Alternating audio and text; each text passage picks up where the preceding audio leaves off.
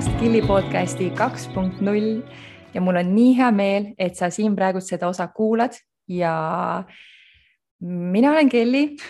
mina olen Killu ja me seekord ei salvesta seda podcasti enam mitte Tartu stuudios, vaid me oleme teineteisest äh, päris kaugel, ehk siis mina olen Tallinnas, Killu on Tartus ja me suhtleme teineteisega siis ekraani vahendusel. Nii et uh, uued tuuled, uus aasta kaks tuhat kakskümmend kaks, põnev ja see osa on väga eriline, nii nagu tegelikult eelmine osa oli sellepärast et Killul on äh, sünnipäev ja Killus on saanud juba kakskümmend kolm. palju õnne, Killu yeah!! aitäh, aitäh, aitäh ta ise ütleb mulle kogu aeg, et issand, ma ei, ma ei suuda uskuda, et ma olen juba nii vana, et ma saan kakskümmend kolm ja siis ma lihtsalt ütlen talle, et kuule, ja ma arvan, et keegi väga ei suuda seda uskuda hinges ma olen ikka veel üheksa täpselt, aga see on ainult hea.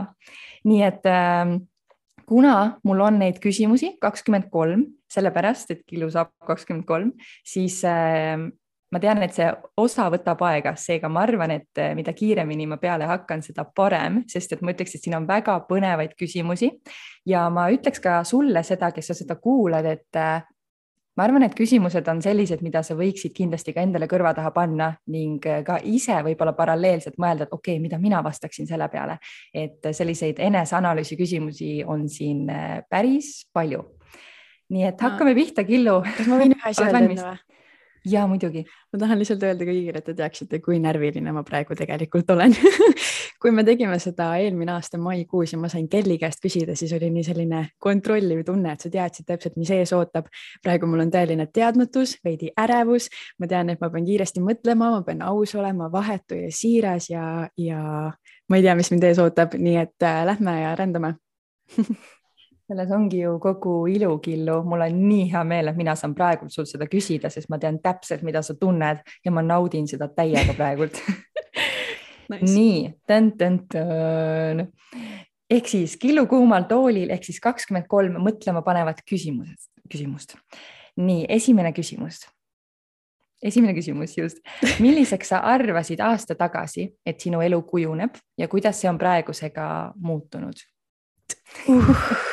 Okei okay., kohe niimoodi hakkan pihta või? selge. aasta aega tagasi, äh, ma võtaks poolteist aastat selleks äh, perioodiks, kui tohib, sellepärast et ma tunnen, et sealt on kõige mhm. suurem kasv toimunud.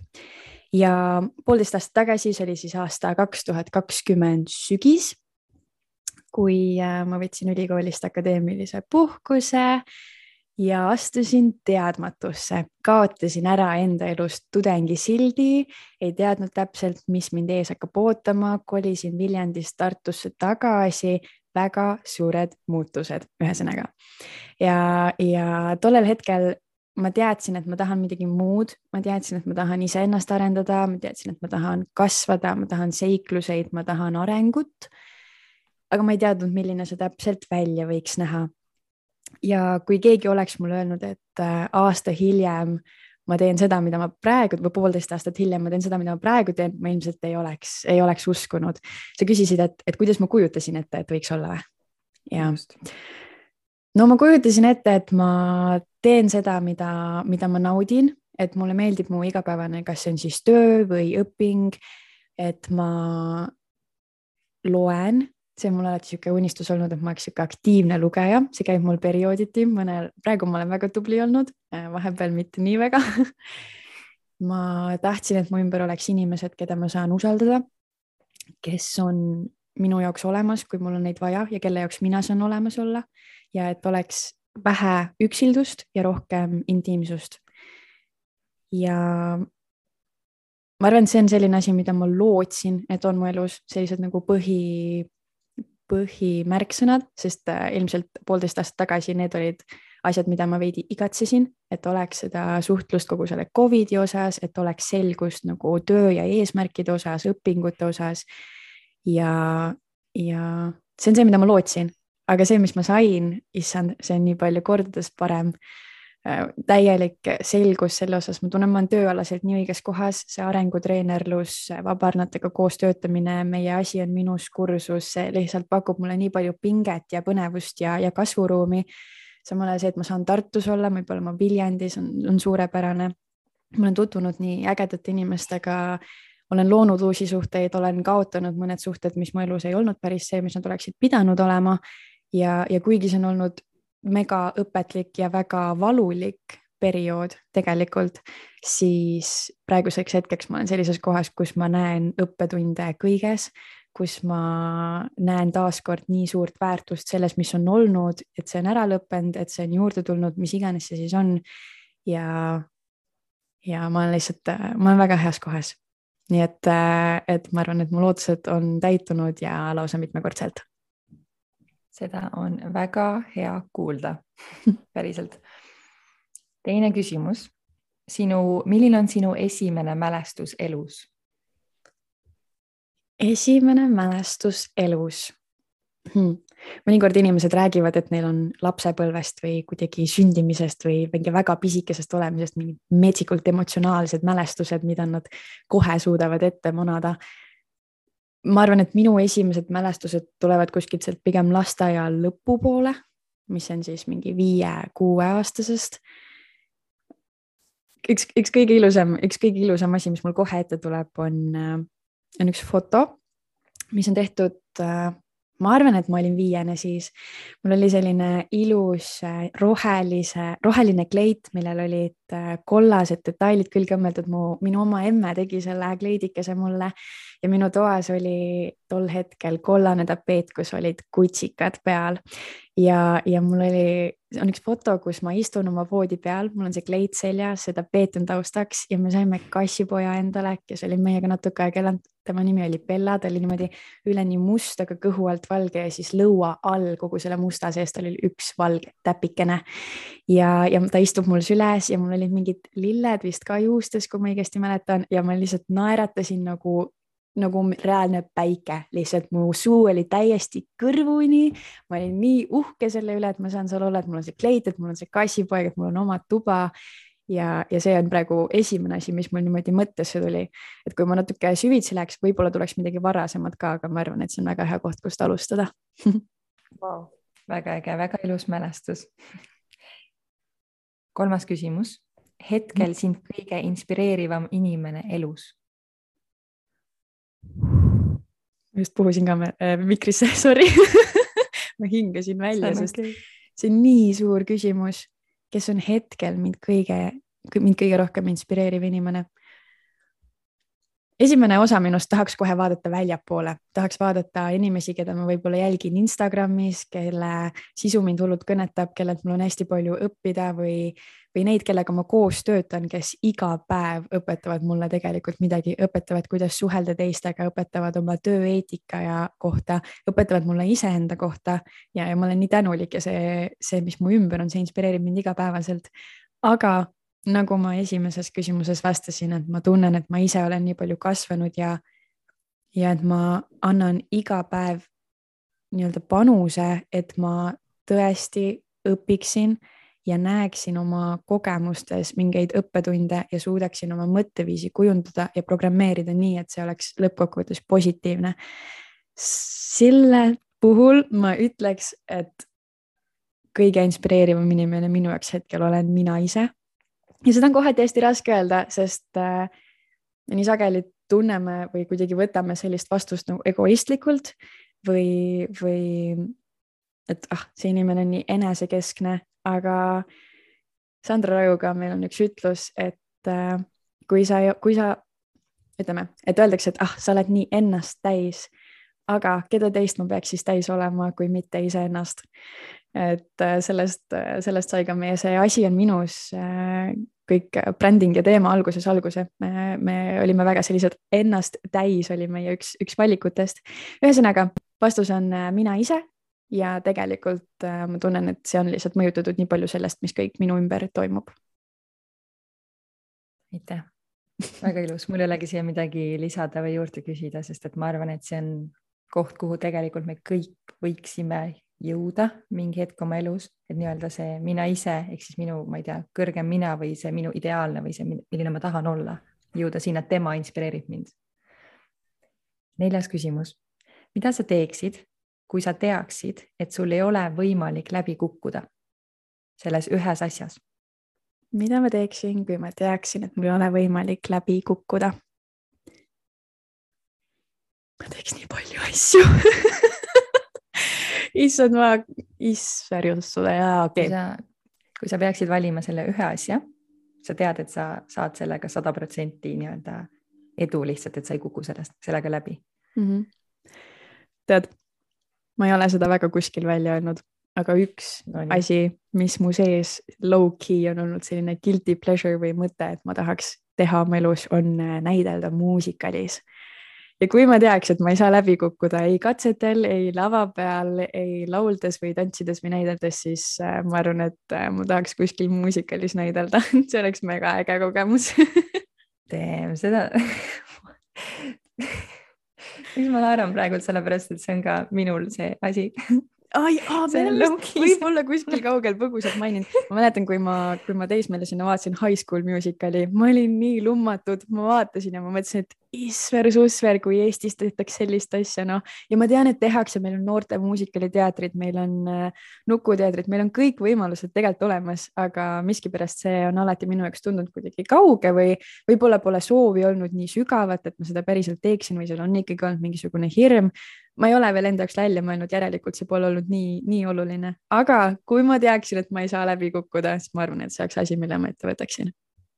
Ja mina ütlen veel seda siia otsa, et kõik on võimalik, nii et ära üldse imesta, kui sa näed Kiilot ühel hetkel kuskil äh, muusikalis näitlemas, nii et äh, tehtav. Davai, vaatame vaatame. viies küsimus, kuidas sinu enesetunne päriselt praegult on? kas sa mõtled nagu praeguses hetkes konkreetselt siin? praeguse mm -hmm. hetk, praeguses hetkes. okei okay., omadussõnad, mis kohe pähe turgatavad, on ühest küljest ärevil. Ma tunnen, mu kõhu sees natukene suriseb, sellepärast et nii põnev on, on olla sellise tähelepanu all ja vastata su küsimustele, sest ma tean, et kui Kelly küsib, siis ta küsib mõttega, see tähendab, et sa pead kaasa mõtlema, seal on mingit sisu ja nagu me oleme esimestest küsimustest juba näinud, siis äh, peab mõtlema.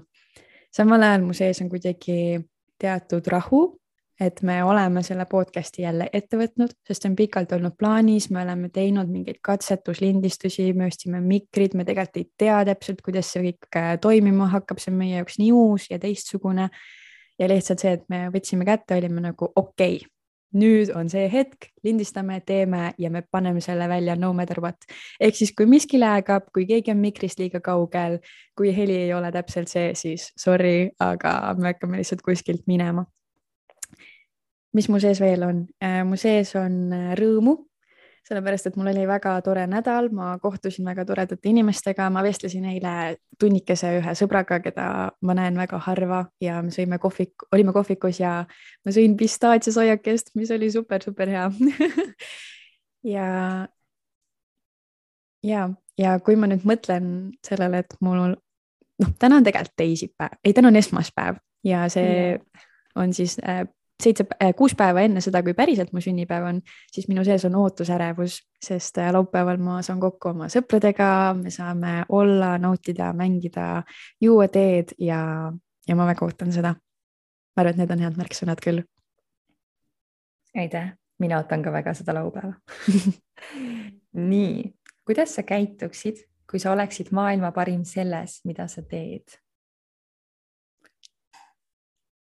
Mm,. okei okay., ma võtaks siis äh, arengutreenerluse siia luubi alla. kui ma oleksin maailmas kõige parem arengutreener, siis kuidas ma käituksin, saan ma õigesti aru mm -hmm.? okei okay. ma tahaksin jagada oma teadmisi teiste inimestega.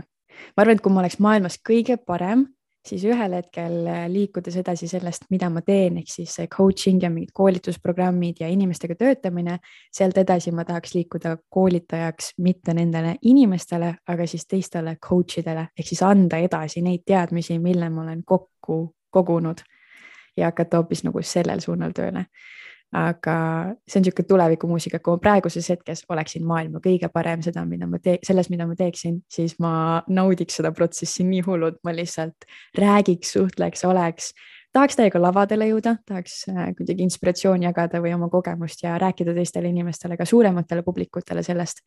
aga ja lihtsalt täiega naudiks, noh õige, väga õige, väga äge, täiega äge. Ja ausalt öeldes ma näen sind, kui sa räägid, et kui sa oleksid maailma parim selles, mida sa teed, siis ma, siis ma täiega näen sind seal lavadel rääkimas, teisi coach'e coach imas siis, et see on, see on täiega äge. millal oli viimane kord, kui sa tegid midagi esimest korda ja mis see oli? see on super hea küsimus, mulle täiega meeldib seda oma sõpradelt ka küsida. millal ma tegin midagi viimati esimest korda mm,? Ma kohe mõtlen, issand, mul võiks kalender ees olla siis mul on kõik oma, oma tegemised seal kirjas um,. kohe mõtlen, kohe mõtlen, millal ma tegin viimati midagi esimest korda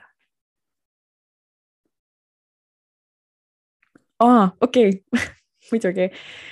ma liitusin äh, paar päeva tagasi Tartus jõusaaliga, läksin MyFitnessisse. Ma ei ole Tartus, ei, ma olen käinud Lemon Gymis mingi kolm-neli-viis aastat tagasi ja viimati ma käisin jõusaalis, kui ma olin äh, Budapestis kaks aastat tagasi. aga Tartus MyFitnessis ma pole kunagi käinud ja ma tegin selle lepingu ära, järgmine päev mõtlesin, et oh, okei okay,, lähme, let's go, täpselt ei tea, mida ma teen, aga hakkame otsast minema. astusin sinna saali sisse ja esiteks ruumi absoluutselt ei tea, ei tea, kui suur see koht on, ei tea, mis vahendid seal olemas on, vaatasin peale, mõtlesin, et appi, kust ma üldse alustan. Läksin turvalise valikuga, astusin jooksulindile, et siis ma jooksen kümme minutit, sest jooksulint on täpselt seal saali ees siis ma saan vaadata, mis kõik muu seal, seal toimub, on ju. Ja samal ajal seal saalis on sellised noored, minust nooremad, ma arvan isegi kutid, räigest räiged lihasmäed lihtsalt, nii palju trennis käinud, omavahel mingid sõbrad teevad seal nalja, hullult mingid raskused on mingi kaheksakümmend, üheksakümmend, sada kilo, ma vaatan neid lihtsalt, et sorry, ma ei taha jõllitada, aga ma lihtsalt tahan sinna jõuda või noh, mitte päris sinna, aga, aga selle enesekindluseni või selle teadlikkuseni ja enesest hoolimiseni ja, ja samal ajal ma tundsin natukene ärevust ja hirmu, et issand, aga siis tulen mina mingi väike eksinud lambuke ja, ja selline veider tunne oli sees, et issand, ma olen nii out of place või ma ei ole nii, ma ei ole nagu mugavustsoonis üldse. ja mu kümme minutit jooksulindil sai läbi ja siis ma mõtlesin, et appi, kuidas ma edasi lähen.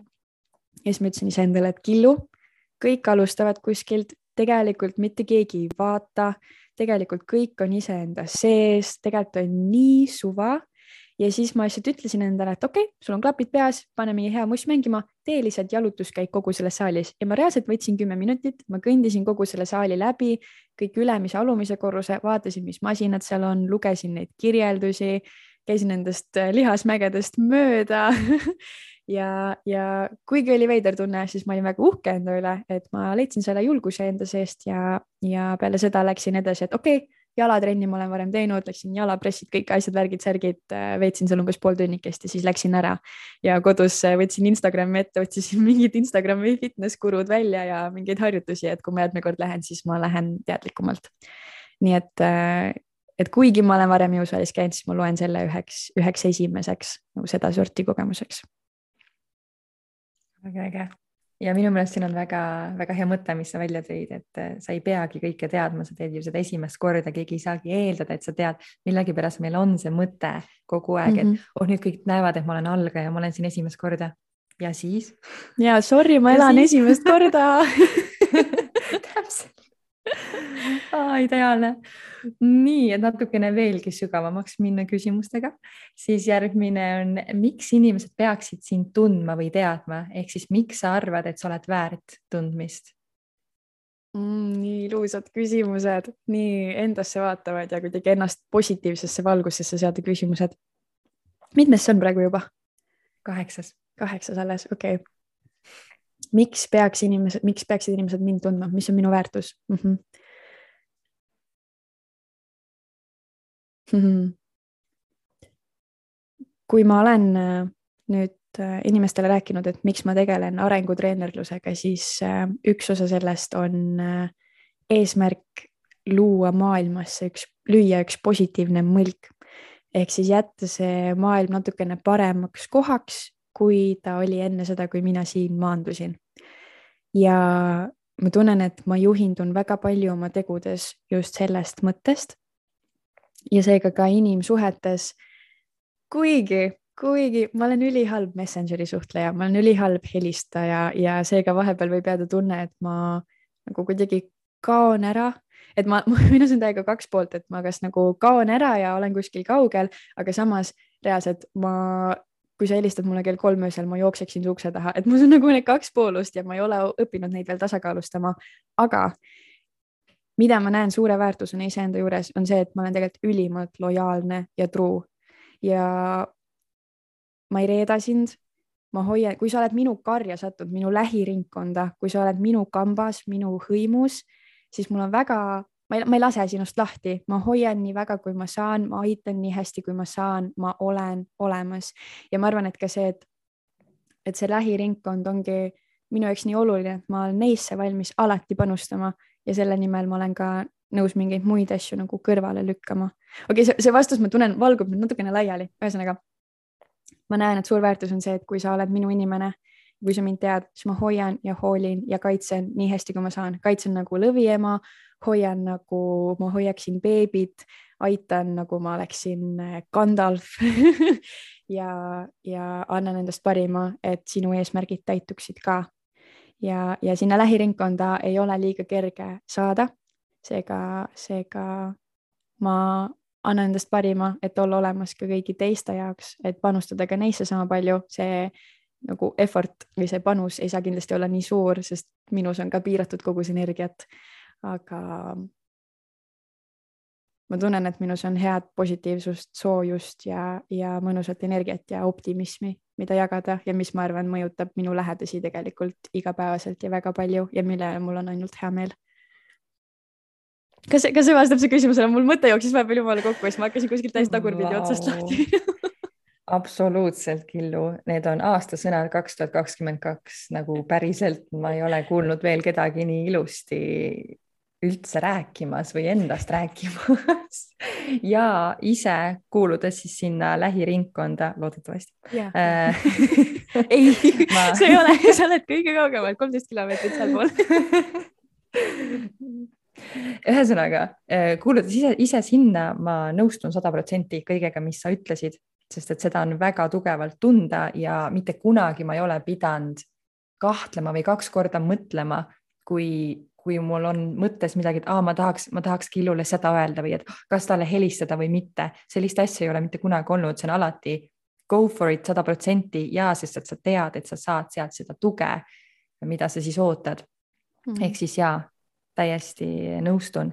seda, seda Järgmine, nii, nii, nii sorry, seda on nii ilus kuulda, sest äh, see nagu tõesti megatähtis mulle ja, ja lihtsalt see, mida ma tahaks veel lisada, on just selline mm, appi, non-judgmental, appi, mul jooksis ühe nii kokku, ühesõnaga, et ma tahaks olla nii hinnangute vaba kui võimalik. Mm. et, äh, et vahel on see olukord, kus äh, oma lähedastel on oma uutest ideedest just kõige raskem rääkida, sellepärast et sa kardad seda, mida nad arvavad. Ja see on asi, mille kallal ma teen tööd kogu aeg, et äh, minu juurde inimesed julgeksid tulla oma ideede ja mõtetega, sest nad teavad, et see on turvaline koht, kus nendest rääkida, kus ennast avada ja kus nad ei, nad ei pea mõtlema selle pärast, mida ma arvan neist, sest, äh, sest see on turvaline kasvukoht. väga ilus, tõesti väga ilus. nii, üheksas küsimus. kes või mis sulle kõige rohkem energiat annab? ja see võib olla ka tegevus, see võib olla inimene. okei okay,, okei okay., kaks esimest asja, mis mul kohe, kohe hetkega pähe tulevad, on esiteks trummid.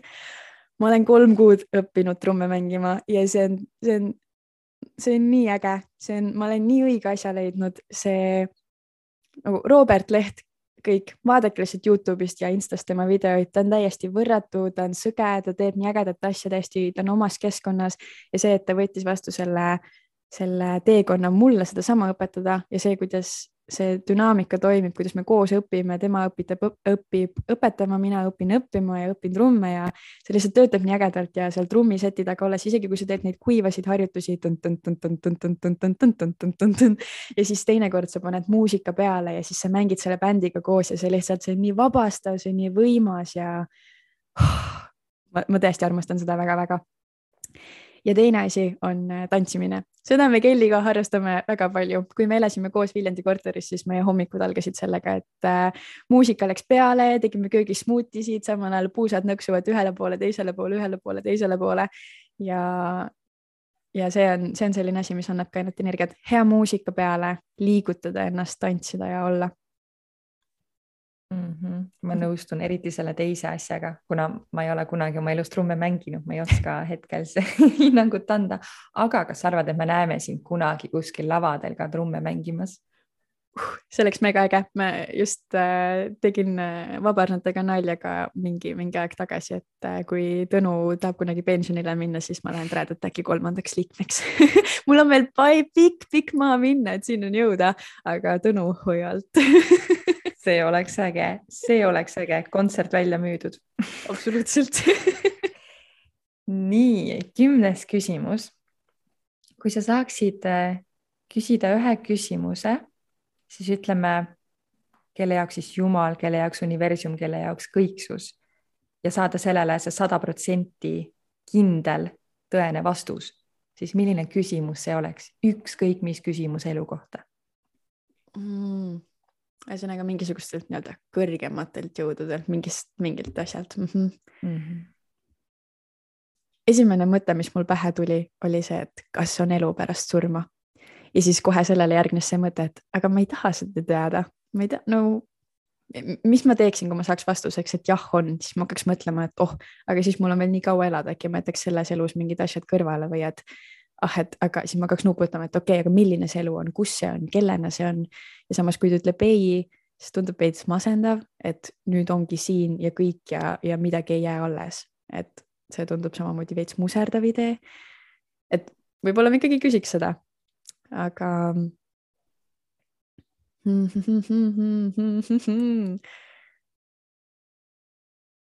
ma jäin, jäin praegu mõtlema, et, et kas ma üldse küsiks, sest äh, mulle kohati meeldib, noh, ütleme, mulle ei meeldi teadmatus, ma ei salli teadmatust nagu väga paljud inimesed, et, äh, et mis ees ootab või kas ma teen õiget asja või kuidas see käib, see teadmatus ajab äh, ärevile.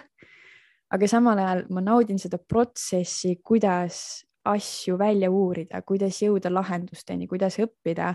Ja minu arust, kui keegi ette ütleb, siis see pole üldse nii, nii põnev või see pole üldse, noh, see protsess on kõige olulisem tegelikult, see on see, kus sa avastad õigeid asju. see teekond just. ehk siis mul ei ole isegi ühte nii head küsimust, ma peaks võib-olla pikemalt mõtlema, võib-olla see oleks kuidagi seotud armastusega et äh, mis on armastus või kust see tekib või miks me ei saa seda kontrollida või võib-olla midagi selles suunas, aga ma jään natukene vastuse võlgu vist ma ei tea, kas sa jääd vastuse võlgu, sest minu meelest sa andsid praegu väga head vastused okay. ja mulle meeldis, kuidas su mõte nagu pendeldas, et alguses oli siin, mis on, kas on elu pärast surma, kas ma üldse tahaksin küsida hmm,, et see analüüsiv äh, osa ja kõik oli seal olemas, et see on väga äge, aga ma soovitan vaadata Netflixi seriaalide sellist nagu seeriat või noh, väikest seeriat äh, Life after death oli vist mm, selle nimi. ma olen ühe osa vaadanud sellest. väga hästi ja ta, ta räägib äh, meed, meed, meed, meediumitest või noh, nendest siis, kes näevad, suudavad suhelda, kõigest räägib, et võib-olla see annab sulle väikese sellise vastuse sealtpoolt. aga mm., aga mulle väga meeldis su vastus ja et võib-olla natukene kontrasti tuua siia küsimustele, et kõik ei oleks nii sügavamõttelised ja tõsised, siis kas sul on mingid harjumused või asjad, eh, mida sa teed ja mis, eh, mida võiks öelda, et need on justkui vana inimese harjumused. näiteks mõni võib vaadata kodus salaja Õnne kolmteist, mida ta väga naudib. ma küsisin seda Martinilt ka ja siis tema, ta mõtles ka väga pikalt ja siis ta ütles, et tal on vist see, et ta kogub asju ja siis ta ei viska neid ära nii et kas sul on mõni ja siis eh, mis need on? vanainimese harjumused väga-väga põnev äh, väga põnev viis sõnastada mingeid harjumusi, et ma ei ole vist kunagi enda jaoks tõlgendanud, et mingid asjad on nagu noorte inimeste harjumused ja mingid asjad on vanade inimeste harjumused. ma küll ei ole sihuke, ma ei tea, käsitööinimene, see on ei mm.. Mm -mm -mm -mm. mm. vanainimese harjumused ma pean oma peas kõigepealt hakkama nüüd lahterdama, et mis harjumused on nagu mis. et, et kas, kas see, kui ma õhtul äh, sageli selle asemel, et minna välja, istun kodus ja loen raamatut, kas see justkui on vanainimese, vanainimese harjumus või ei ole, on ju, et siin tekib see küsimus või, või, või, või mm..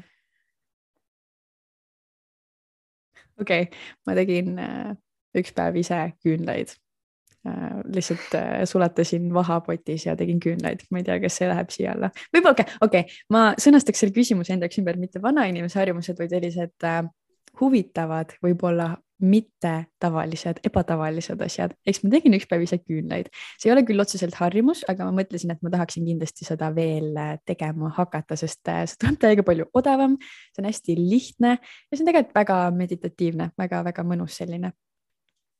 ja mulle, mulle, okei okay,, ma ei tea, ma ei oska midagi paremat öelda siia.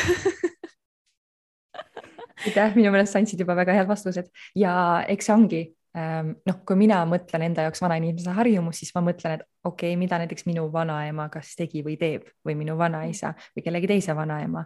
Ja, ja samas teisest küljest meie jaoks ebatavaline ehk siis noorte jaoks ebatavaline võib-olla ongi jälle vanemate inimeste, inimeste jaoks tavaline. seega see võib-olla ongi, et noh, kuidas keegi seda võtab, aga minu mm. meelest jah, küünalde valmistamine on väga äge asi. pluss kõik see käsitöö pool, mis minu meelest tuleb aina rohkem kuidagi vähemalt minu ringkonnas nagu teemaks, et kuidas midagi ise teha ja, ja ise valmistada ja, ja kuidagi seda iseloomu sinna nagu juurde anda, et see on väga äge mm.. nii kui sul oleks omaenda teleseriaal, siis millest see räägiks? oh, ühest küljest ma tahaks, et see oleks mingi selline hästi äge asi, mida vaadata, see peab täiega olema mingit fun'i, mingit ägedust, seikluseid, äh, möllu, midagi peab kogu aeg toimuma. aga samal ajal ma tahaks, et seal oleks äh, sellist sügavust, et seal oleks äh, midagi, mis annaks inimestele väärtust, midagi, mis paneks mõtlema.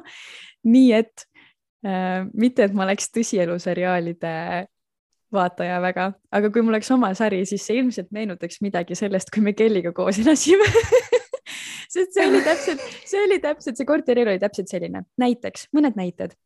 me elasime kahetoalises korteris, mis oli ühes vanas puitmajas, kus olid hästi õhukesed seinad ja meie kõrvalkorteris äh, kolis üks äh, naisterahvas oma noore lapsega, tal oli vist isegi mitu neid ja see neiu õppis õppis üks, okei. Okay., ja yes, me arvasime, et neid on mitu, sest ja. Äh, ma mäletan mingeid kordi, et keegi jooksis edasi-tagasi, et mina, mina olin meie korteri ühes otsas ja kuulsin, kuidas sealt jooksis keegi täiesti teise otsa ehk siis meie köögi juurde ja tagasi.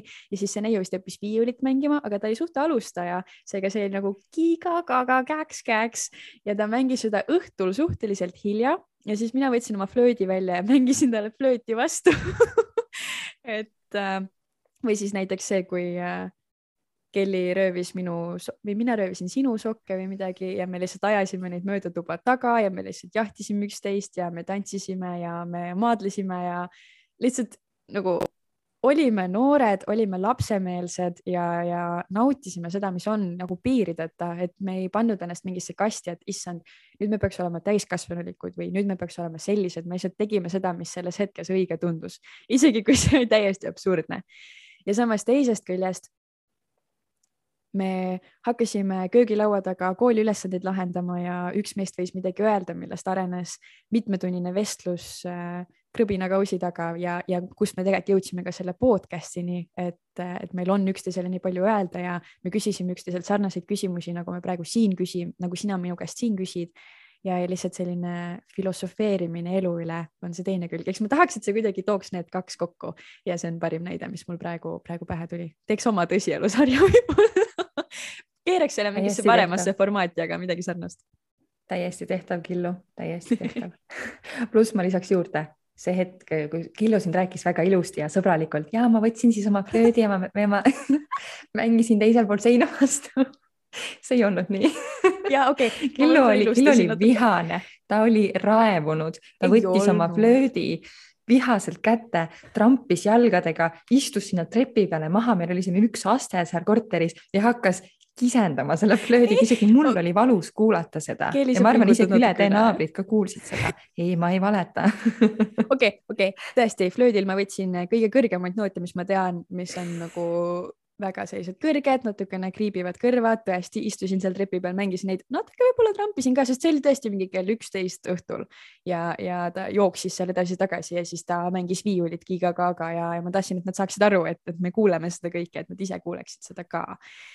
ja, ja ma, ma arvan, et tõde on kuskil meie kahe sõnade vahepeal ütleme nii. täitsa võimalik, aga ja et miks, miks aga võib-olla nii nagu meid nagu kuidagi ennast äh ma ei tea, närv, närvi ajas kuidagi endast välja, oligi sellepärast, et ühe korra meil oli üks sõber külas, kes mängis rahulikult õhtul vaikselt kitarri, meil oli selline mõnus sõpradega istumine. Ja see naine oli meile juba kirjutanud, kas siis järgmiseks hommikuks oli juba sõnum olemas, et kas te saaksite natukene vaiksemad olla? Et siis äh, see oli ühesõnaga väga huvitav ma täiesti kujutan ette, kui sellest oleks tehtud tõsielu seriaal, kindlasti ühele kindlale sihtgrupile, aga see oleks päris kuld kui nüüd aus olla. ja nii, kui sa saaksid ükskõik kellega hetkel elus olevatest inimestest süüa õhtusööki, siis kellega see oleks ja millest te räägiksite?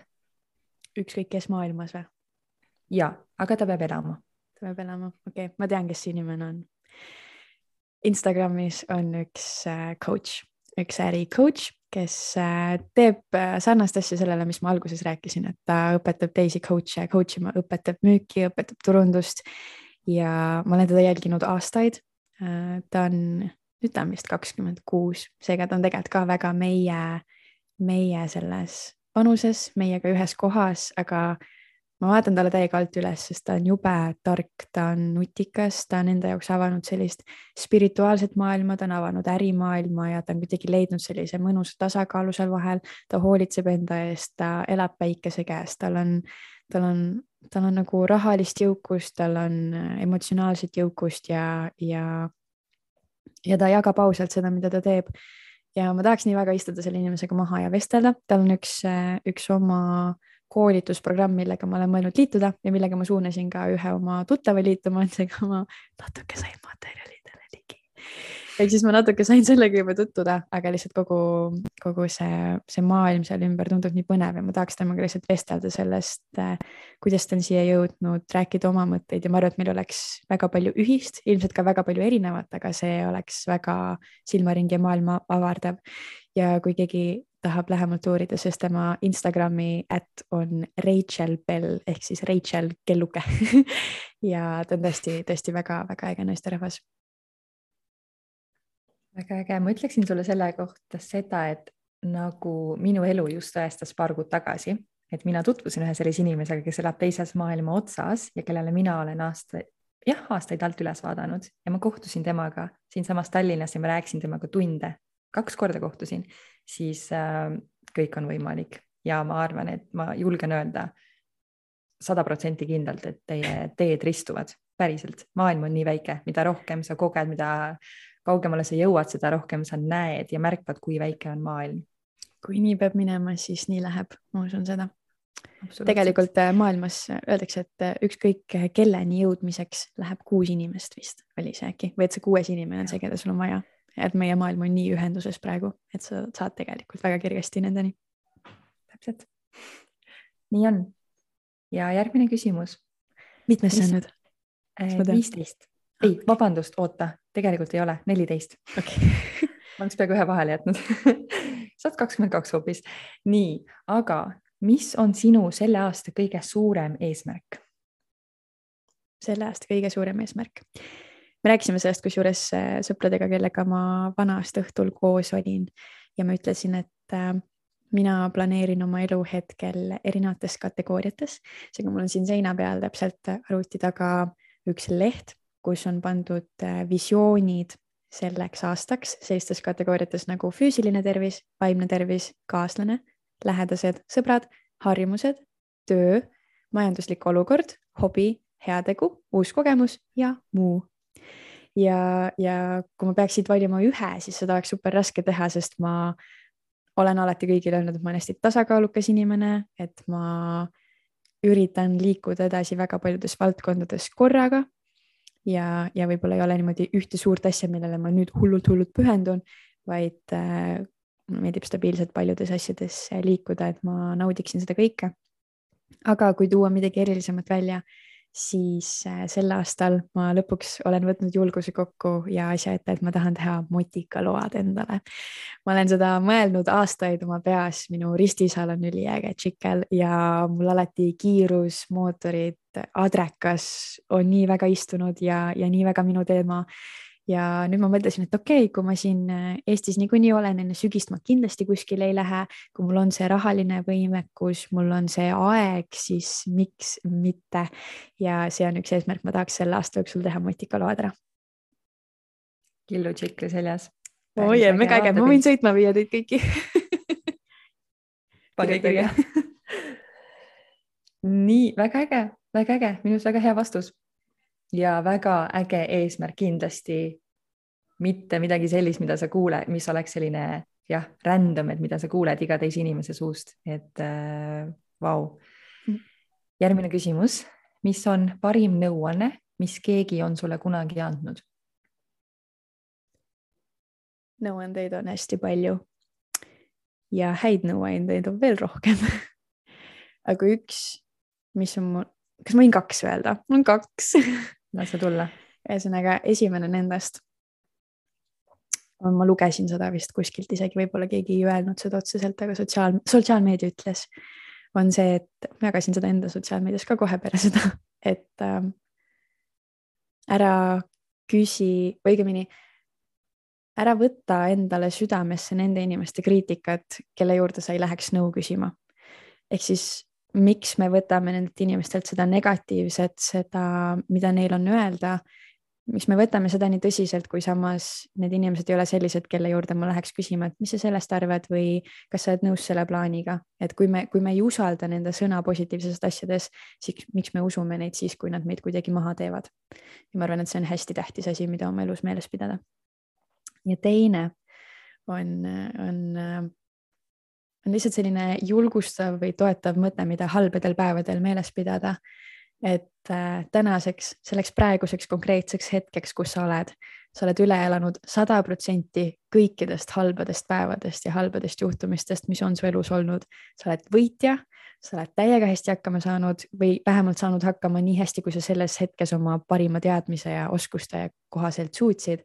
aga sa oled selle kõik üle elanud, see tähendab, et sa oled väga võimekas ja kõike, mis ees ootab, sa saad täpselt sama jõuliselt sealt peale lennata, sa leiad selle lahenduse, sest sada protsenti praegustest päevadest sa oled juba üle elanud. Eduprotsent on väga kõrge. Väga ilus, vau, väga ilus. eriti see esimene mõte, ma tean äh,, sa oled seda päris palju ka maininud, aga iga kord, kui sa seda ütled, see nagu jõuab uuesti kohale. Mm. -hmm et jaa, sest me, me peame kuidagi ennast kogu aeg tooma tagasi siia jalgadele ja reaalsusesse, aga tegelikult me ju teeme seda, me siiski võtame tõsiselt nende inimeste kriitikat mm. -hmm. ja ma, väga ilus. ma tulen korra mhm. tagasi ühe, ühe loo juurde, mis juhtus detsembris. ma sain anda oma maitseajakirjale äh, artikli äh,. see pidi olema sellest, kuidas kiire elutempo juures äh, oma toitumist kontrollida nii, et toitumine ei kontrolliks sind. aga kuna see oli hästi pühade periood, siis meie intervjuu natukene kujunes ümber ja me rääkisime ka sellest, kuidas nii-öelda pühade kiusatustele vastu panna või kuidas üldse kontrollida seda, et, et ei oleks nii raske olla pärast. ja, ja see artikkel läks välja ja, ja ma nägin, et seal on anonüümseid kommentaare ja mu õde ja tema elukaaslane istusid mu kõrval, tema elukaaslane tegeleb kommunikatsiooniga. Nad on ka mõlemad hästi nii-öelda allikakriitilised ja ütlesid, Killu, ära loe neid, sul ei ole vaja, nagu see, see ei ole mitte kuidagi hea, aga ma olin lihtsalt nii uudishimulik, sest minu esimesed anon heiterid ma lihtsalt tahtsin näha, mis neil öelda on mis on see, millest nad saavad kinni haarata. ja, ja selleks hetkeks seal oli neli kommentaari, rohkem ma ei ole tagasi läinud vaatama, kas ilmselt nüüd on rohkem, aga tolleks hetkeks oli äh, neli tükki. Üks nendest oli, et, äh, et kuidas mingid lapseohtu inimesed nüüd meid hakkavad siin õpetama ja tegelikult see on asi, millega ma olen enda sees hästi palju maadelnud, et okei okay,, tõesti, ma olen noor, et äh, kes olen võib-olla mina, et mingeid teadmisi jagada või kes olen mina, et kuidagi ma ei tea, õpetada või juhendada kedagi, et, et kui ma ise alles õpin, aga samal ajal, mida ma olen ajas nagu õppinud, on see, et kui mina olen praegu nii-nii rahul sellega, kus ma olen ja tõesti elan sellist elu ja olen tasakaalukalt suutnud ennast siia tuua, vältida mingeid läbipõlemisi või, või suuri, suuri dramaatilisi nagu läbikukkumisi enda mõistes, siis, siis ma arvan, et selles on mingi täiesti omapärane mingi võti või mingisugune võim, mida, mida noh, mida me saa, mida ma saan edasi anda. et kui, kui tõesti ongi kasvõi see viiekümne aastane anon heiter, kes tõesti on selles kohas või nii katki, et ta tunneb, et ta peab mingi artikli alla anonüümselt minema, kirjutama mingit soppa mingi inimese kohta, keda ta absoluutselt ei tea, siis tema sees on ilmselt midagi rikkis, millega ta võiks tegeleda. ta võib-olla ei ole nii rahul, sest ma tunnen, et mida rohkem meie sees on positiivsust ja optimismi ja siirast õnnetunnet, me ei lähe, me ei lähe jagama sellist negatiivsust, siis me jagame, kiirgame pigem seda positiivsust.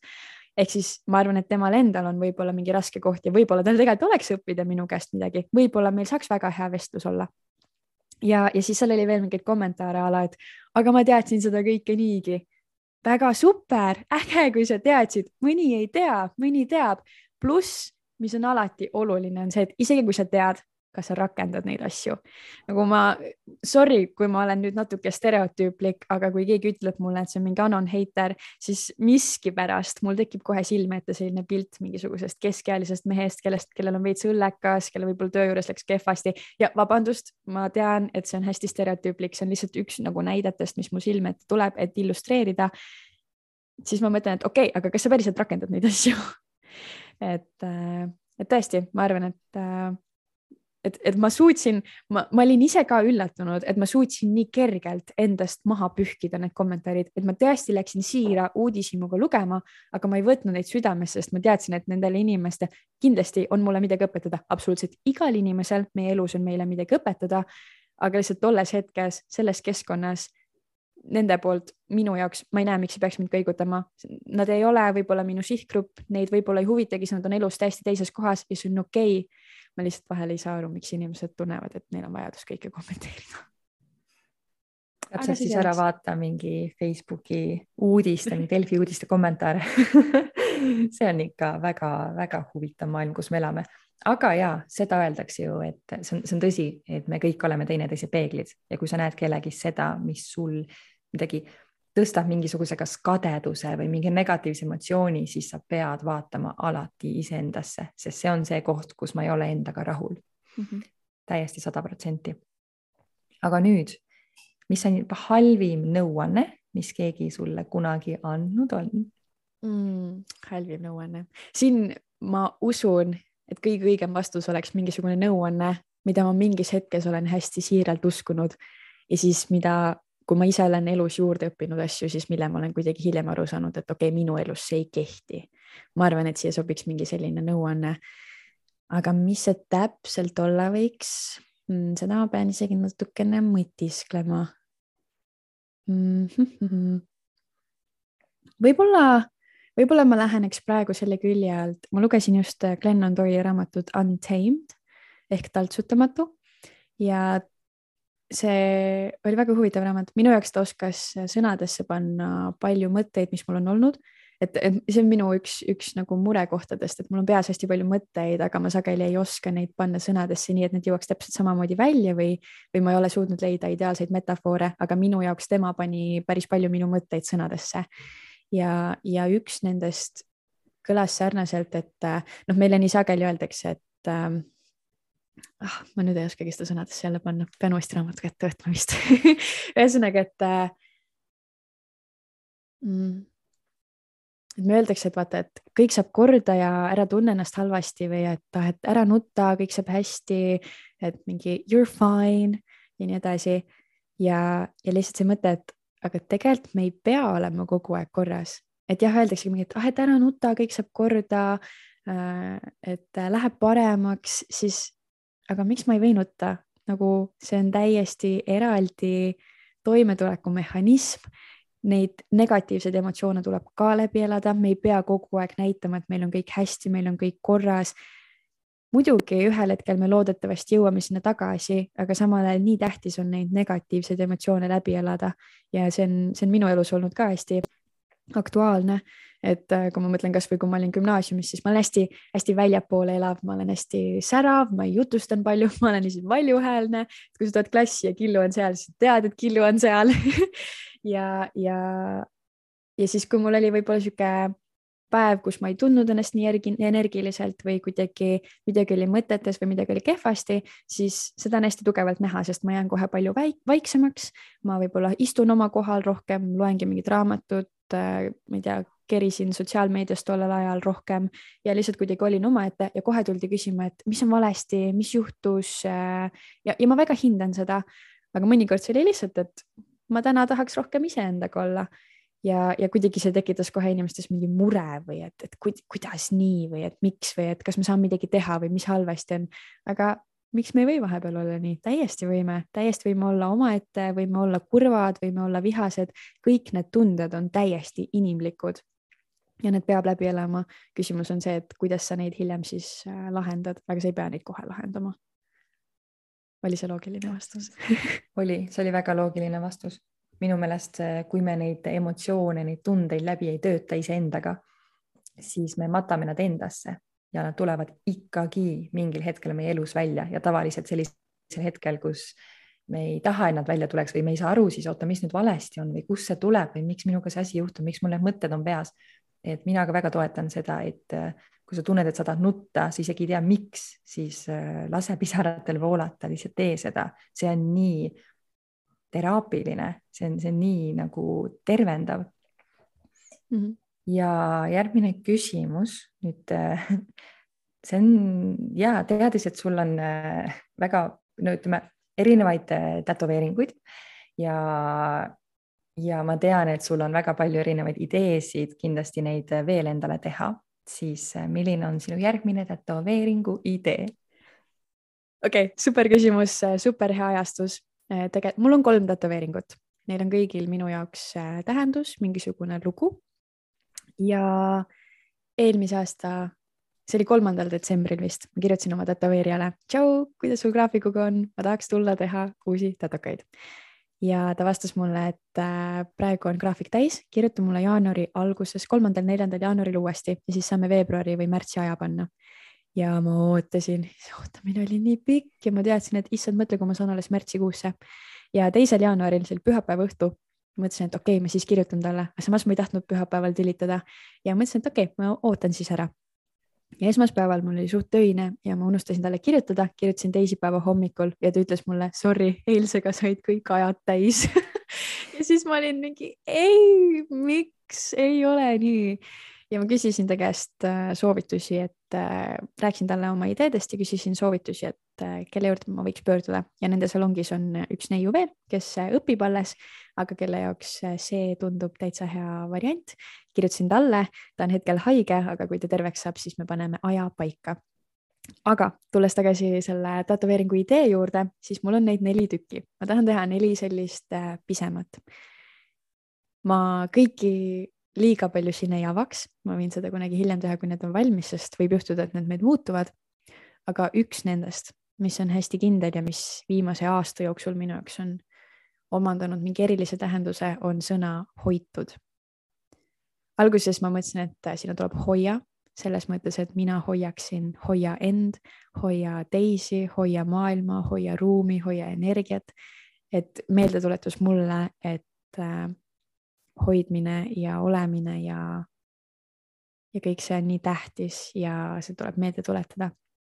aga siis ma tahtsin hoopis meelde tuletada endale, et mina olen hoitud, maailm on hoitud, minu lähedased on hoitud, kui mina seda neile pakun, kui nemad ise seda endale pakuvad ja ja see minu arust lihtsalt, see kõlab nii ilusalt, see on väga poeetiline ja seal on nii, nii sügav, soe energia minu jaoks ühesõnaga, see on ilmselt sõna, mis äh, kuhugi minu keha peale jõuab. ja lisaks on üks äh, teine tatakas on üks äh, kallistuse imitatsioon, ma olen tohutu kallistaja inimene, ma austan kallistusi nii väga, kui ma peaks valima kallistuste suudluste vahel elu lõpuni, ma arvan, et need oleks kallistused ja, ja siis seal on kaks tükki veel. ma loodan, et, et see on praegu piisav.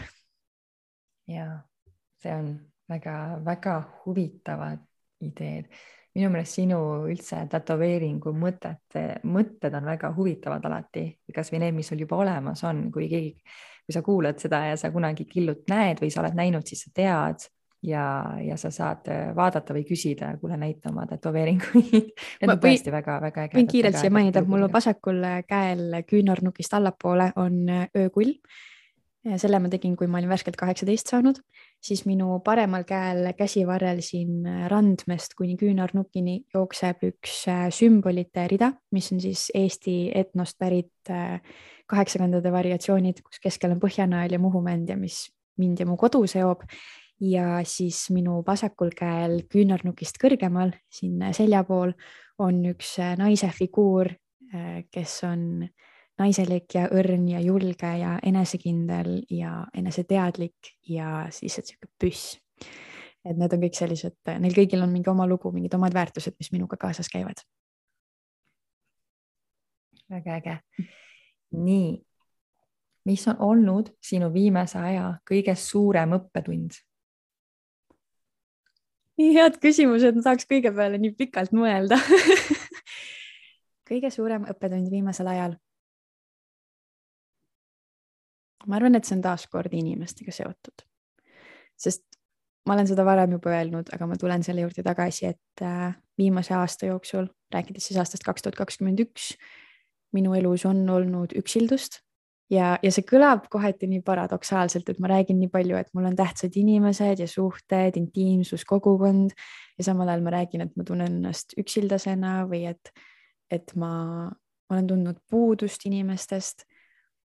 Ja, ja ma arvan, et võib-olla see, see üksildus selle puhul nagu tulebki minu seest nii sügavalt, et, et kuna see on minu jaoks nii tähtis, nii oluline, siis kui seal on midagi valesti või midagi puudu, siis, siis see torkab kuidagi eriti tugevalt silma, sest minu, minu lähedasemad sõbrad elavad minust väga kaugel, kas teises linnas või lausa teises riigis. praegu, kui ma planeerisin oma sünnipäeva asja, siis ma korraldasin selle Tallinnas, sest peaaegu kõik inimesed, kes on kutsutud, on tallinlased. ja, ja oma Tartu väikse seltskonnaga ma teen eraldi Tartus ühe, ühe istumise, aga lihtsalt see mõni, see on ühest küljest sellest Covidist seotud, sest ma olen olnud väga ettevaatlik sellega, ikkagi piiranud oma käimisi ja olemisi ja olnud rohkem iseendaga ja mulle, ärge saage valesti aru, ma nii naudin iseendaga olemise aega, mulle väga meeldib üksi olla küll aga see on asi, mida ei suuda lõputult teha, ühel hetkel tekib see tunne, et oh, aga ma ei taha enam üksinda neid asju teha, mul on nagu vaja rääkida või olla. ja nagu ma ütlesin, ma olen kohutavalt halb Messengeri suhtleja mulle meeldib see, kui ma saan inimesega kokku, ma tunnen ta lõhna, ma tunnen ta soojust, ma näen tema silmi, me saame koos olla ja füüsiline puudutus, need kallistused, käest kinnihoidmine, äh, kokkupõrkamine, naermine, kõik see on, see on päris ja see on oluline ja, ja ma arvan, et ma langesin ühel hetkel eelmine aasta väga sügavalt vabanduste küüsi ka ise et ma ütlesingi iseendale, et aga mul ei olegi seda, aga need inimesed ongi kaugel, aga ma olengi üksik ja, ja ma jäin ise oma seda lugu, mida ma iseendale rääkisin, nii uskuma, ma jäin nii tohutult uskuma seda, et mul oli väga raske sellest välja saada. aga siis jah, sügisel, kui, kui ma arvan, et kohati sellest samast loost, mida ma olin endale rääkinud, kohati sellest mõjutatuna ja lisaks ka muudele äh, muudele lugudele, mis meie ümber olid, lõppes üks minu jaoks väga-väga oluline suhe, mis võttis, mis tõesti võttis mind täiesti tükkideks ja, ja see oli väga-väga raske minu jaoks. ja samal ajal see andis mulle tõuke kuidagi jõuda iseendasse tagasi või saada aru, et okei okay,, ma pean seda lugu muutma, ma, ma ei jää, ma ei jää terveks ja ma ei saa terveks, kui ma ei lõpeta selle loo rääkimist, kui ma ei muuda ise midagi ja ma läksin, ma võtsin oma sõbralisti peas ette, ma kirjutasin, suhtlesin, käisin ise nii palju välja inimestele, et teeme midagi, lähme sinna, saame kokku. Ja ma sain aru paari nädalaga, et appi, aga see on, see on täiega võimalik ju, mis asja ma olen endale siin rääkinud kokku. tegelikult on täiesti võimalik, lihtsalt võta need sammud ette. Ja muidugi üheski suhtes minu puhul mulle ei meeldi see, et ütleme, suhe ei saa olla ühepoolne, et see ei saa olla nii, et mina, mina kutsun, käin, teen, räägin ja siis teine pool ei paku midagi. aga samal ajal, kui ma tahan midagi üles soojendada või alustada, siis ma olen täiega valmis endast ka selle panuse andma. ja, ja see on, see on tõesti olnud viimase poole aasta kõige suurem õppetund, lihtsalt see vastutuse võtmine, see julgus ja arusaamine, et ükski lugu, mis ma endale eh,, ühesõnaga, et ükskõik, mis lugu ma endale räägin, see saab tõeks, vahet ei ole, kas see enne oli või mitte, ma süvendan seda, kui ma seda iseendale räägin. aitäh väga ilus ja lood ongi nii olulised, et me kõik ketrame enda peas mingit lugu enda kohta, ma olen selline inimene, aga mulle ei meeldigi seda teha, aga ma, ma olengi, ma juba sündisin sellise, ma olen eluaeg selline olnud või et, et ma ei tea, mul on midagi halvasti, et see mm -hmm. alati tasub nagu üle mõelda kaks korda, et oot-oot, miks ma seda endale ütlen, kas sellel on päriselt ka mingi põhjus olemas?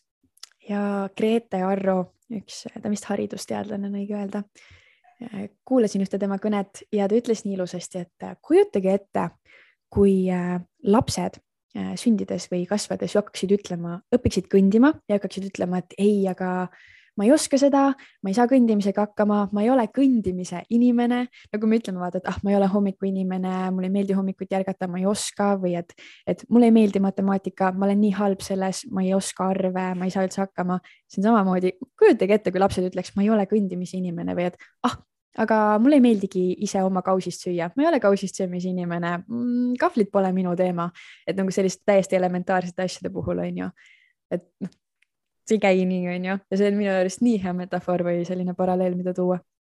just ja, ja lood muutuvad meie peas, sellepärast et meie muutume inimestena ja see, kui me juba muudame neid lugusid, mida me endale räägime, see juba aitab kaasa sellele, et me inimestena veelgi muutuksime. nii et äh, see on jah, väga-väga ilus mõte. nii aga üheksateistkümnes küsimus, hakkame juba vaikselt sinna lõpupoole jõudma. kas on sul mingi riik peale Eesti, kus sa ennast elamas näeks, ehk siis mis riik ja just äh, miks? nii, väga hea küsimus. jah äh,, mul on plaanis sügisel tegelikult juba välismaale kolida, see on üks minu äh, selle aasta eesmärkidest, kategooria. Muu all on ma kolin välismaale. Mul ei ole, onju, mul ei ole koht veel täpselt paigas, aga sinu küsimusele vastates, kui ma käisin äh, kaks aastat tagasi Euroopas soolotrippimas, siis ma jõudsin Zürichisse, mis on Šveitsis ja ma vaatasin seda linna ja ma olin lihtsalt, appi, kas ma olen kodus?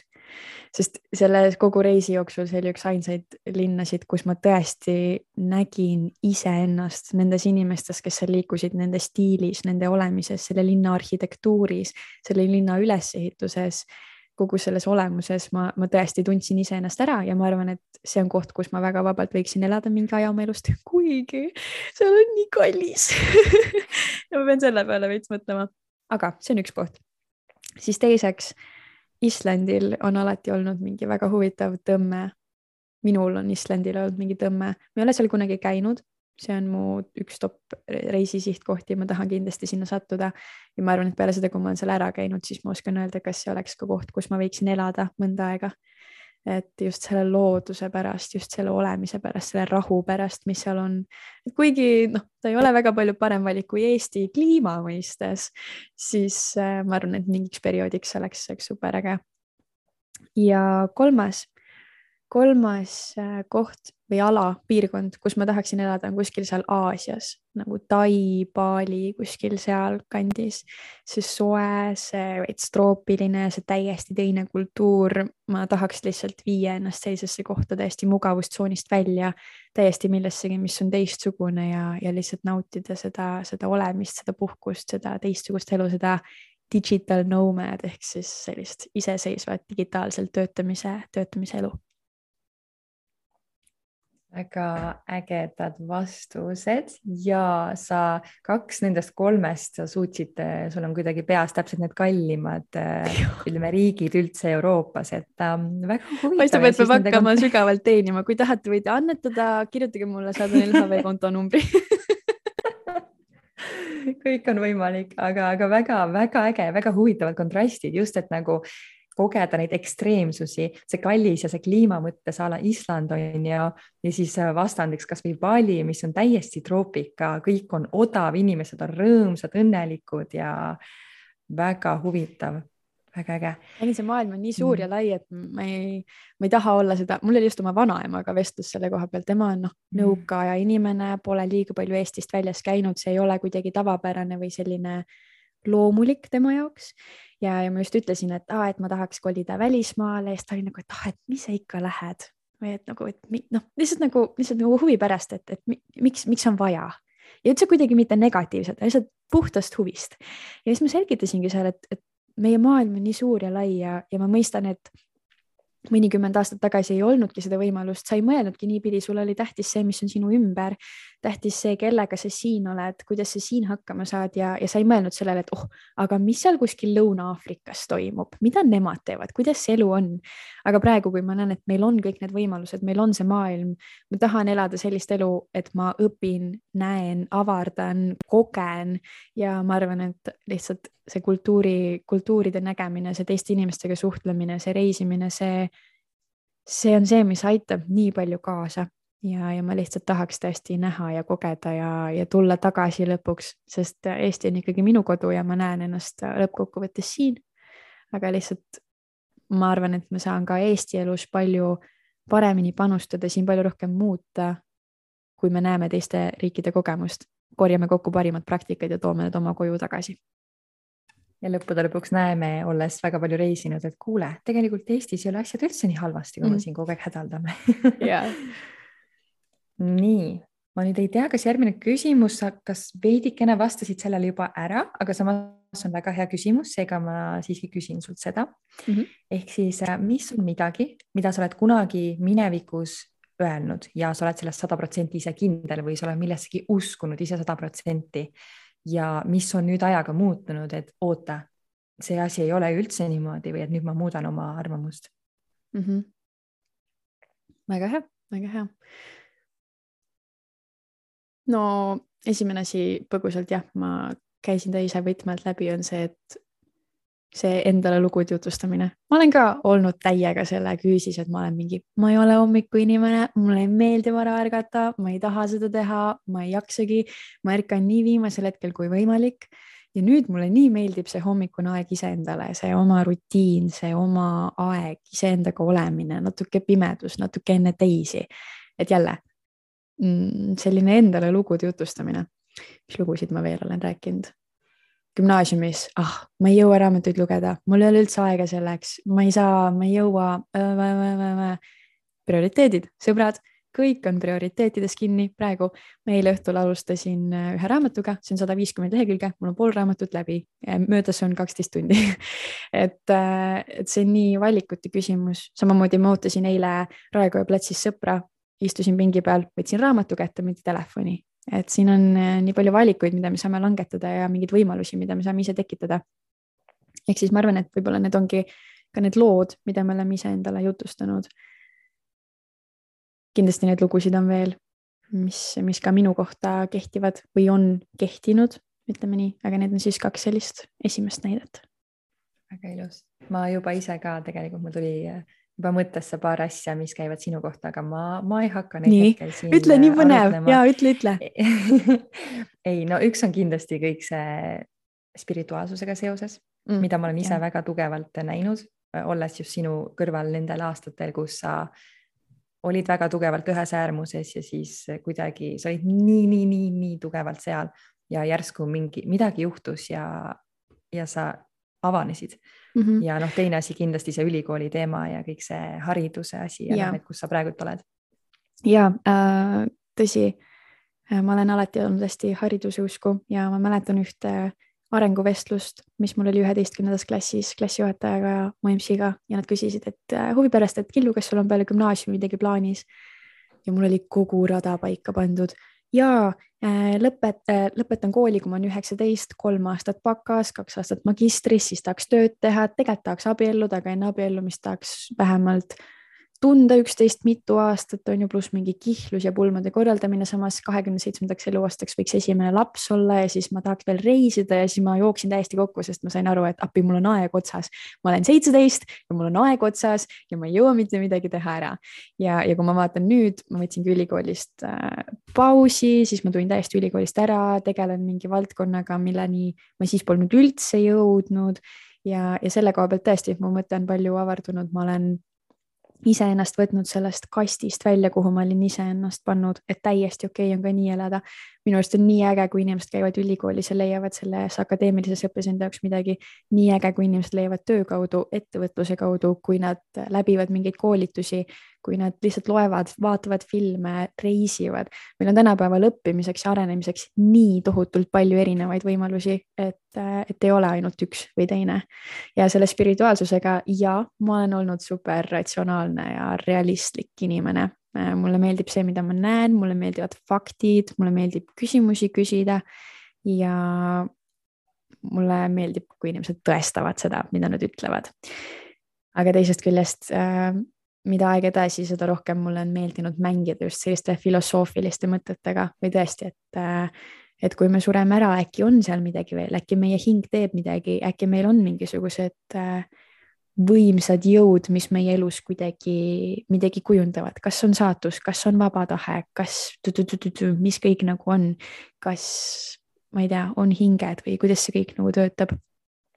et äh, jah, see on, see on põnev maailm, mida avastada väga ilus ja kui kedagi, kui sind, kes sa seda kuulad, huvitab meie ülikoolist lahkumise teema veelgi rohkem siis äh, me tegelikult, meil on tehtud äh, eraldi osa sellest ja osa kuus meie siis podcast'is võid seda kuulata ja rohkem teada saada meie mõtetest kõige selle traditsioonilise karjääriredeli ja kõige, kõige muu ümber. väga põnev osa, mida kuulata. nii, oleme jõudnud viimase kolme küsimuse juurde ehk siis mis on see asi, mida sa pole mitte kellelegi kunagi enda kohta öelnud? ja siis sa tahad, et ma ütleks podcast'is mingite võõraste ees seda mingite võõraste ma, ma ju ei tea. ja ei, muidugi, muidugi, lase tulla, aga sa saad mm. ise valida, mis, mis see on, mida sa praegu öelda tahad. see ei pea olema mingi sügav-sügav saladus. mida ma ei ole kellelegi rääkinud või mida keegi ei tea mm. see on, see on asi, mida me arutasime ka siis, kui me hakkasime seda podcast'i tegema, et äh, me, kui avatud ja julged me julgeme olla, et tegelikult sa ei tea kunagi, kes kuulab, kuidas ta reageerib, kas ta on, on, on heiter või ta on täielik toetaja. et igasugust tagasi, igasuguseks tagasisideks tuleb valmis olla. aga üks asi, mida inimesed minu kohta ei tea see on okei okay,, kui mõni inimene teab, ma, ma ei tea, kas ja, on selliseid asju, mida tõesti mitte keegi ei tea. ja ma just tahtsingi öelda, et mida sa arvad, et mida kuulaja ei pruugi teada sinu kohta mm.? ma luuletasin kunagi. ma ei ole seda vist väga kuskil öelnud. kui ma olin äh, gümnaasiumis, siis ma olin äh, koos ühe noormehega, kellel on suurepärane luulekeel, kes oskab väga hästi oma tundeid ja mõtteid sõnadesse panna. Ja selle kõrvalt ma mõtlesin, et ma tahan ka mis mõttes? Ja jälle ah,, väga hea, siit tuleb ka üks lugu, mida ma olen endale rääkinud kogu aeg, ma ei ole loominguline inimene, ma ei suuda ise luua, ma ei suuda toota, ma kuidagi ei ole seda muusat või inspiratsiooni, minu seest ei tule seda. ja ma võtsin koolis loovkirjutamise kursuse, kus me tegime soojendusharjutusi, kus me õppisime ennast avama, õppisime neid asju kirjutama ja, ja lisaks sellele ma lihtsalt tundsin seda, et ah, aga ma tahaks ka kuidagi mõtteid kirja panna ja asi, mida ma kogu selle luuletamise juures olen õppinud enda puhul, on see, et ma suudan palju paremini panna paberile negatiivseid emotsioone. ma arvan, et see tuleb sellest, et positiivselt ma elan niikuinii hästi väljapoole. kui ma olen rõõmus, siis ma olen rõõmus, kui ma naeran, siis ma naeran, kui ma näen kedagi või kelleski midagi head, ma teen talle selle komplimendi, ma ütlen talle selle välja, aga negatiivsega ma ei, kui mul ei ole konstruktiivset kriitikat, siis ma ei lähe seda ütlema, et mul on vaja kuidagi teistmoodi see välja elada. ja ma arvan, et paber oli miski, mis kannatas hästi paljud ja, ja ja kuhu ma sain ennast välja elada, kuhu ma sain neid negatiivseid emotsioone panna, seda mingit viha, ängistust, äh, kurbust ja mul on, on üks luuletus, mis on kaks A4 lehte pikk, mis oli ühe hästi raske hommiku luuletus ja ma olen kõige uhkem selle üle. ma siiamaani vahepeal loen seda ja ma olen nagu vau wow,, aga issand, siin on nii ägedaid äh, metafoore või mingeid mõtteid, et kuidas ma tulin selle peale, praegusel hetkel ei tuleks. aga lihtsalt jah, et minul see tuleb hästi, see ei tulegi igal hetkel see, praegu ma pole väga pikalt kirjutanud, selles mõttes ma ei ole tundnud seda vajadust ja tahet, et ma arvan, et seda ei saa sundida. jah, okei okay, äh,, elukutselised kirjanikud äh, muidugi võtavadki teadlikult ette selle paberi, aga minu puhul mulle meeldibki see vabadus ise otsustada, millal ma seda teha tahan. ja, ja ma seda vist ei ole kuskil maininud niimoodi. ja, ja minu meelest sa ei ole isegi mulle seda niimoodi öelnud. Väga äge ja näed, mis kõik on samas võimalik jah, kui me lihtsalt hakkame tegema midagi just nimelt selle lugude rääkimise osas. nii, kui sul oleks üks reegel, mida kõik peaksid järgima, siis mis see oleks üks reegel kõigi jaoks, kõigi jaoks siin maailmas või? täiesti kõigi jaoks või? just, kõik, kõik, kõik. kas see on nagu sedasorti reegel, et, et kõik peavad, peavad järgima, et, et kui ma selle välja ütlen, siis kõik teevadki nii? see on minu reegel, Killu okay.. sina ise otsustad. okei okay., siis oi, nii palju asju, mida tahaks inimestele öelda, nii palju asju. Äh, Sandra Raju ütles ühes meie kõnes just, küsis sellise küsimuse, et kui sa saaksid kõikidele maailma inimestele korraga saata ühe SMS-i ja sa oled täiesti kindel, et sada protsenti nendest loevad seda, siis mida sa ütleksid? see on praegu hästi sarnane olukord, kus sa pead nii palju teadmisi ja mõtteid panema ühte kohta niimoodi kokku kompaktselt. kui oleks üks reegel mm. -hmm okei okay,, mul on nüüd nagu kaks lähenemist, et ma ei tea, kas läheneda selle, selle poolt, et have fun või nagu naudi, lõbutse. kõik, mida sa teed, leia sellest mingi lõbus osa, leia see suhkrutükike, leia see, mis paneb sind nautima seda. igas asjas midagi sellist on ja kui ei ole, jäta see kõrvale. nagu kui see ei too su ellu mingisugust naudingut või positiivset emotsiooni, miks sa teed seda? nagu tee ainult asju, mis kuidagi positiivsust toovad sulle täiskasvanud inimestena. me ei pea midagi, okei okay,, me võib-olla peame makse maksma, on ju, aga me ei pea tegelikult midagi, me ei pea õppima, me ei pea töötama, me ei pea äh, trennis käima, me ei pea kodu üleval hoidma. nii palju valikuid on kõige jaoks, sa ei pea mitte midagi sa saad ise valida, kuidas sa seda kõike teha tahad, mis vormis, kellega, kus kohas, kui sa tunned ennast oma suhtes lõksus, mingi lahendus selles alati on, see ei pruugi olla lihtne, aga mingi lahendus on, kui sa tunned ennast oma töökohas lõksus, mingi lahendus on, kui sa tunned, et sa elad vales riigis ting,. ting-ting-ting, seal on ka lahendus olemas. et äh, see on, ma arvan, üks, üks reegel, et naudi seda, mida sa teed. ja siit nagu hästi-hästi seoses sellesamaga on just see teine asi, et ära karda teis, ütleme, ära karda teistele pettumust valmistada, palju hullem on valmistada pettumust iseendale. et, ähm, et nii sageli, nagu ma ütlesin, et me tunneme mingites kohtades lõksus ennast, et me ei, ei julge ära minna, ei saa ära minna, tunneme, et appi, aga ma peangi seda tegema. Ja, ja sageli seal on üks põhjustest see, et aga mida teised arvavad või mis siis saab, kui ma läbi kukun või siis aga teised on paremad kui mina, aga mina ei oska nii, nagu nemad teevad ja, ja see võrdlemine, see tohutu lõpet, lõpet, lõpmatu võrdlemine iseenda ja teiste vahel, see, see teeb nii haiget või nii, nii kahju on kuulda seda. ja, ja, ja et äh, ma arvan, et ainus, kellele me siin elus ei tohiks pettumust valmistada, oleme meie ise, kõik teised suudavad selle üle elada ja kui nad ei saa sellega hakkama, siis võib-olla neil ei ole sinu elus õige koht väga ilus. ja ma nüüd ei tea, kas sa natukene puudutasid juba seda viimast küsimust ka, mis mul on, sest et see on Sandra Raju, äh, ütleme mõtetele väga sarnane ehk siis äh, viimane küsimus kõlab nii.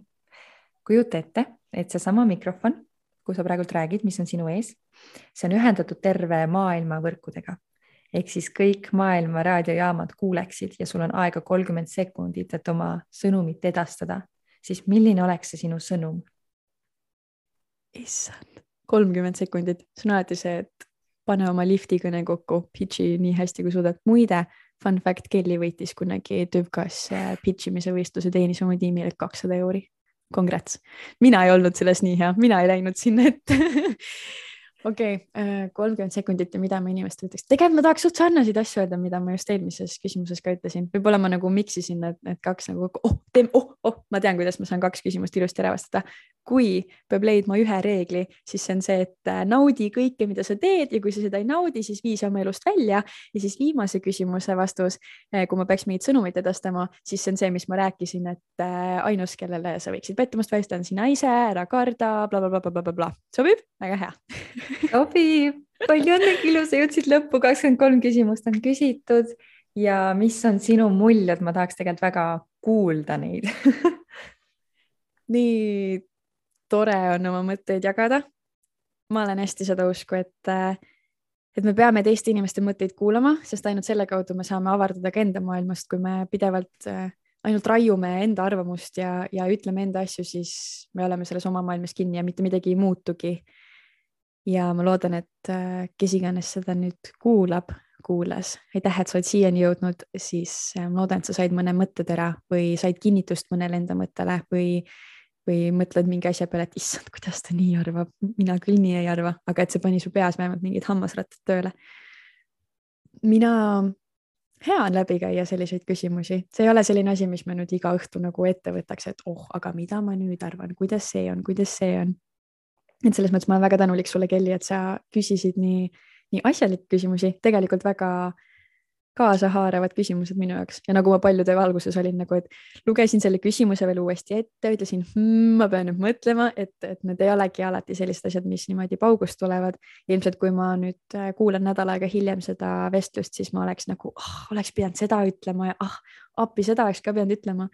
aga, aga ma arvan, et sellise formaadi puhul just see vahetus, ausus, siirus ja see esimene mõte see on ka täiesti okei okay., nagu kui need mõtted minu sees on olemas, siis need on järelikult tähe, tähendusrikkad ja olulised ja kui isegi hiljem tuleb midagi, midagi muud, mis tundub sama tähtis, samaväärne, siis, siis tundub, et õigeid vastuseid on kaks tükki.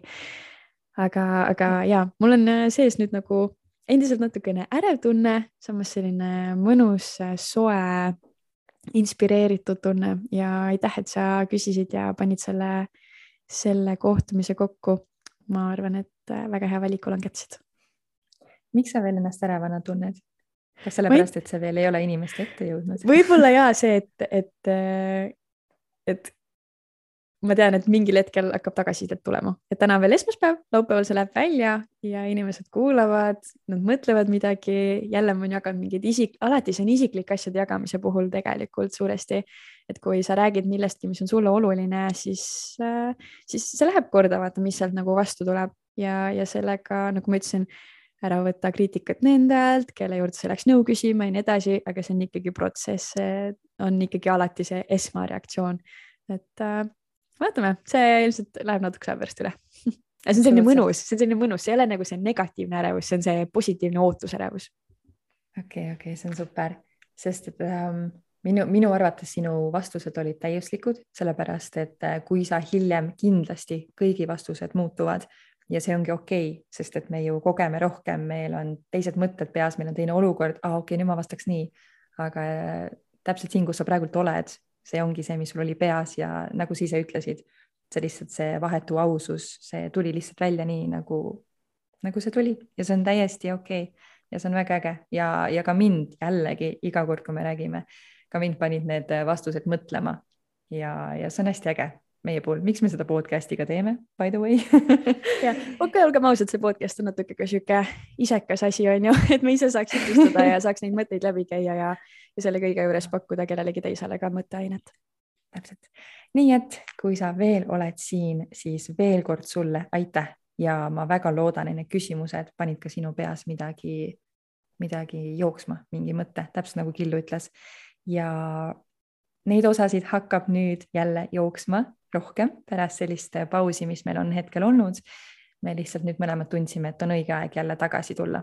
Ja anna kindlasti teada, mis, mis mõtteid see osa sinus tekitas ja, või mis emotsioone see sulle andis, meid kindlasti mõlemad väga-väga huvitab, eriti Killut ma tean, aga kui sul on küsimuste osas midagi, siis anna mulle teada.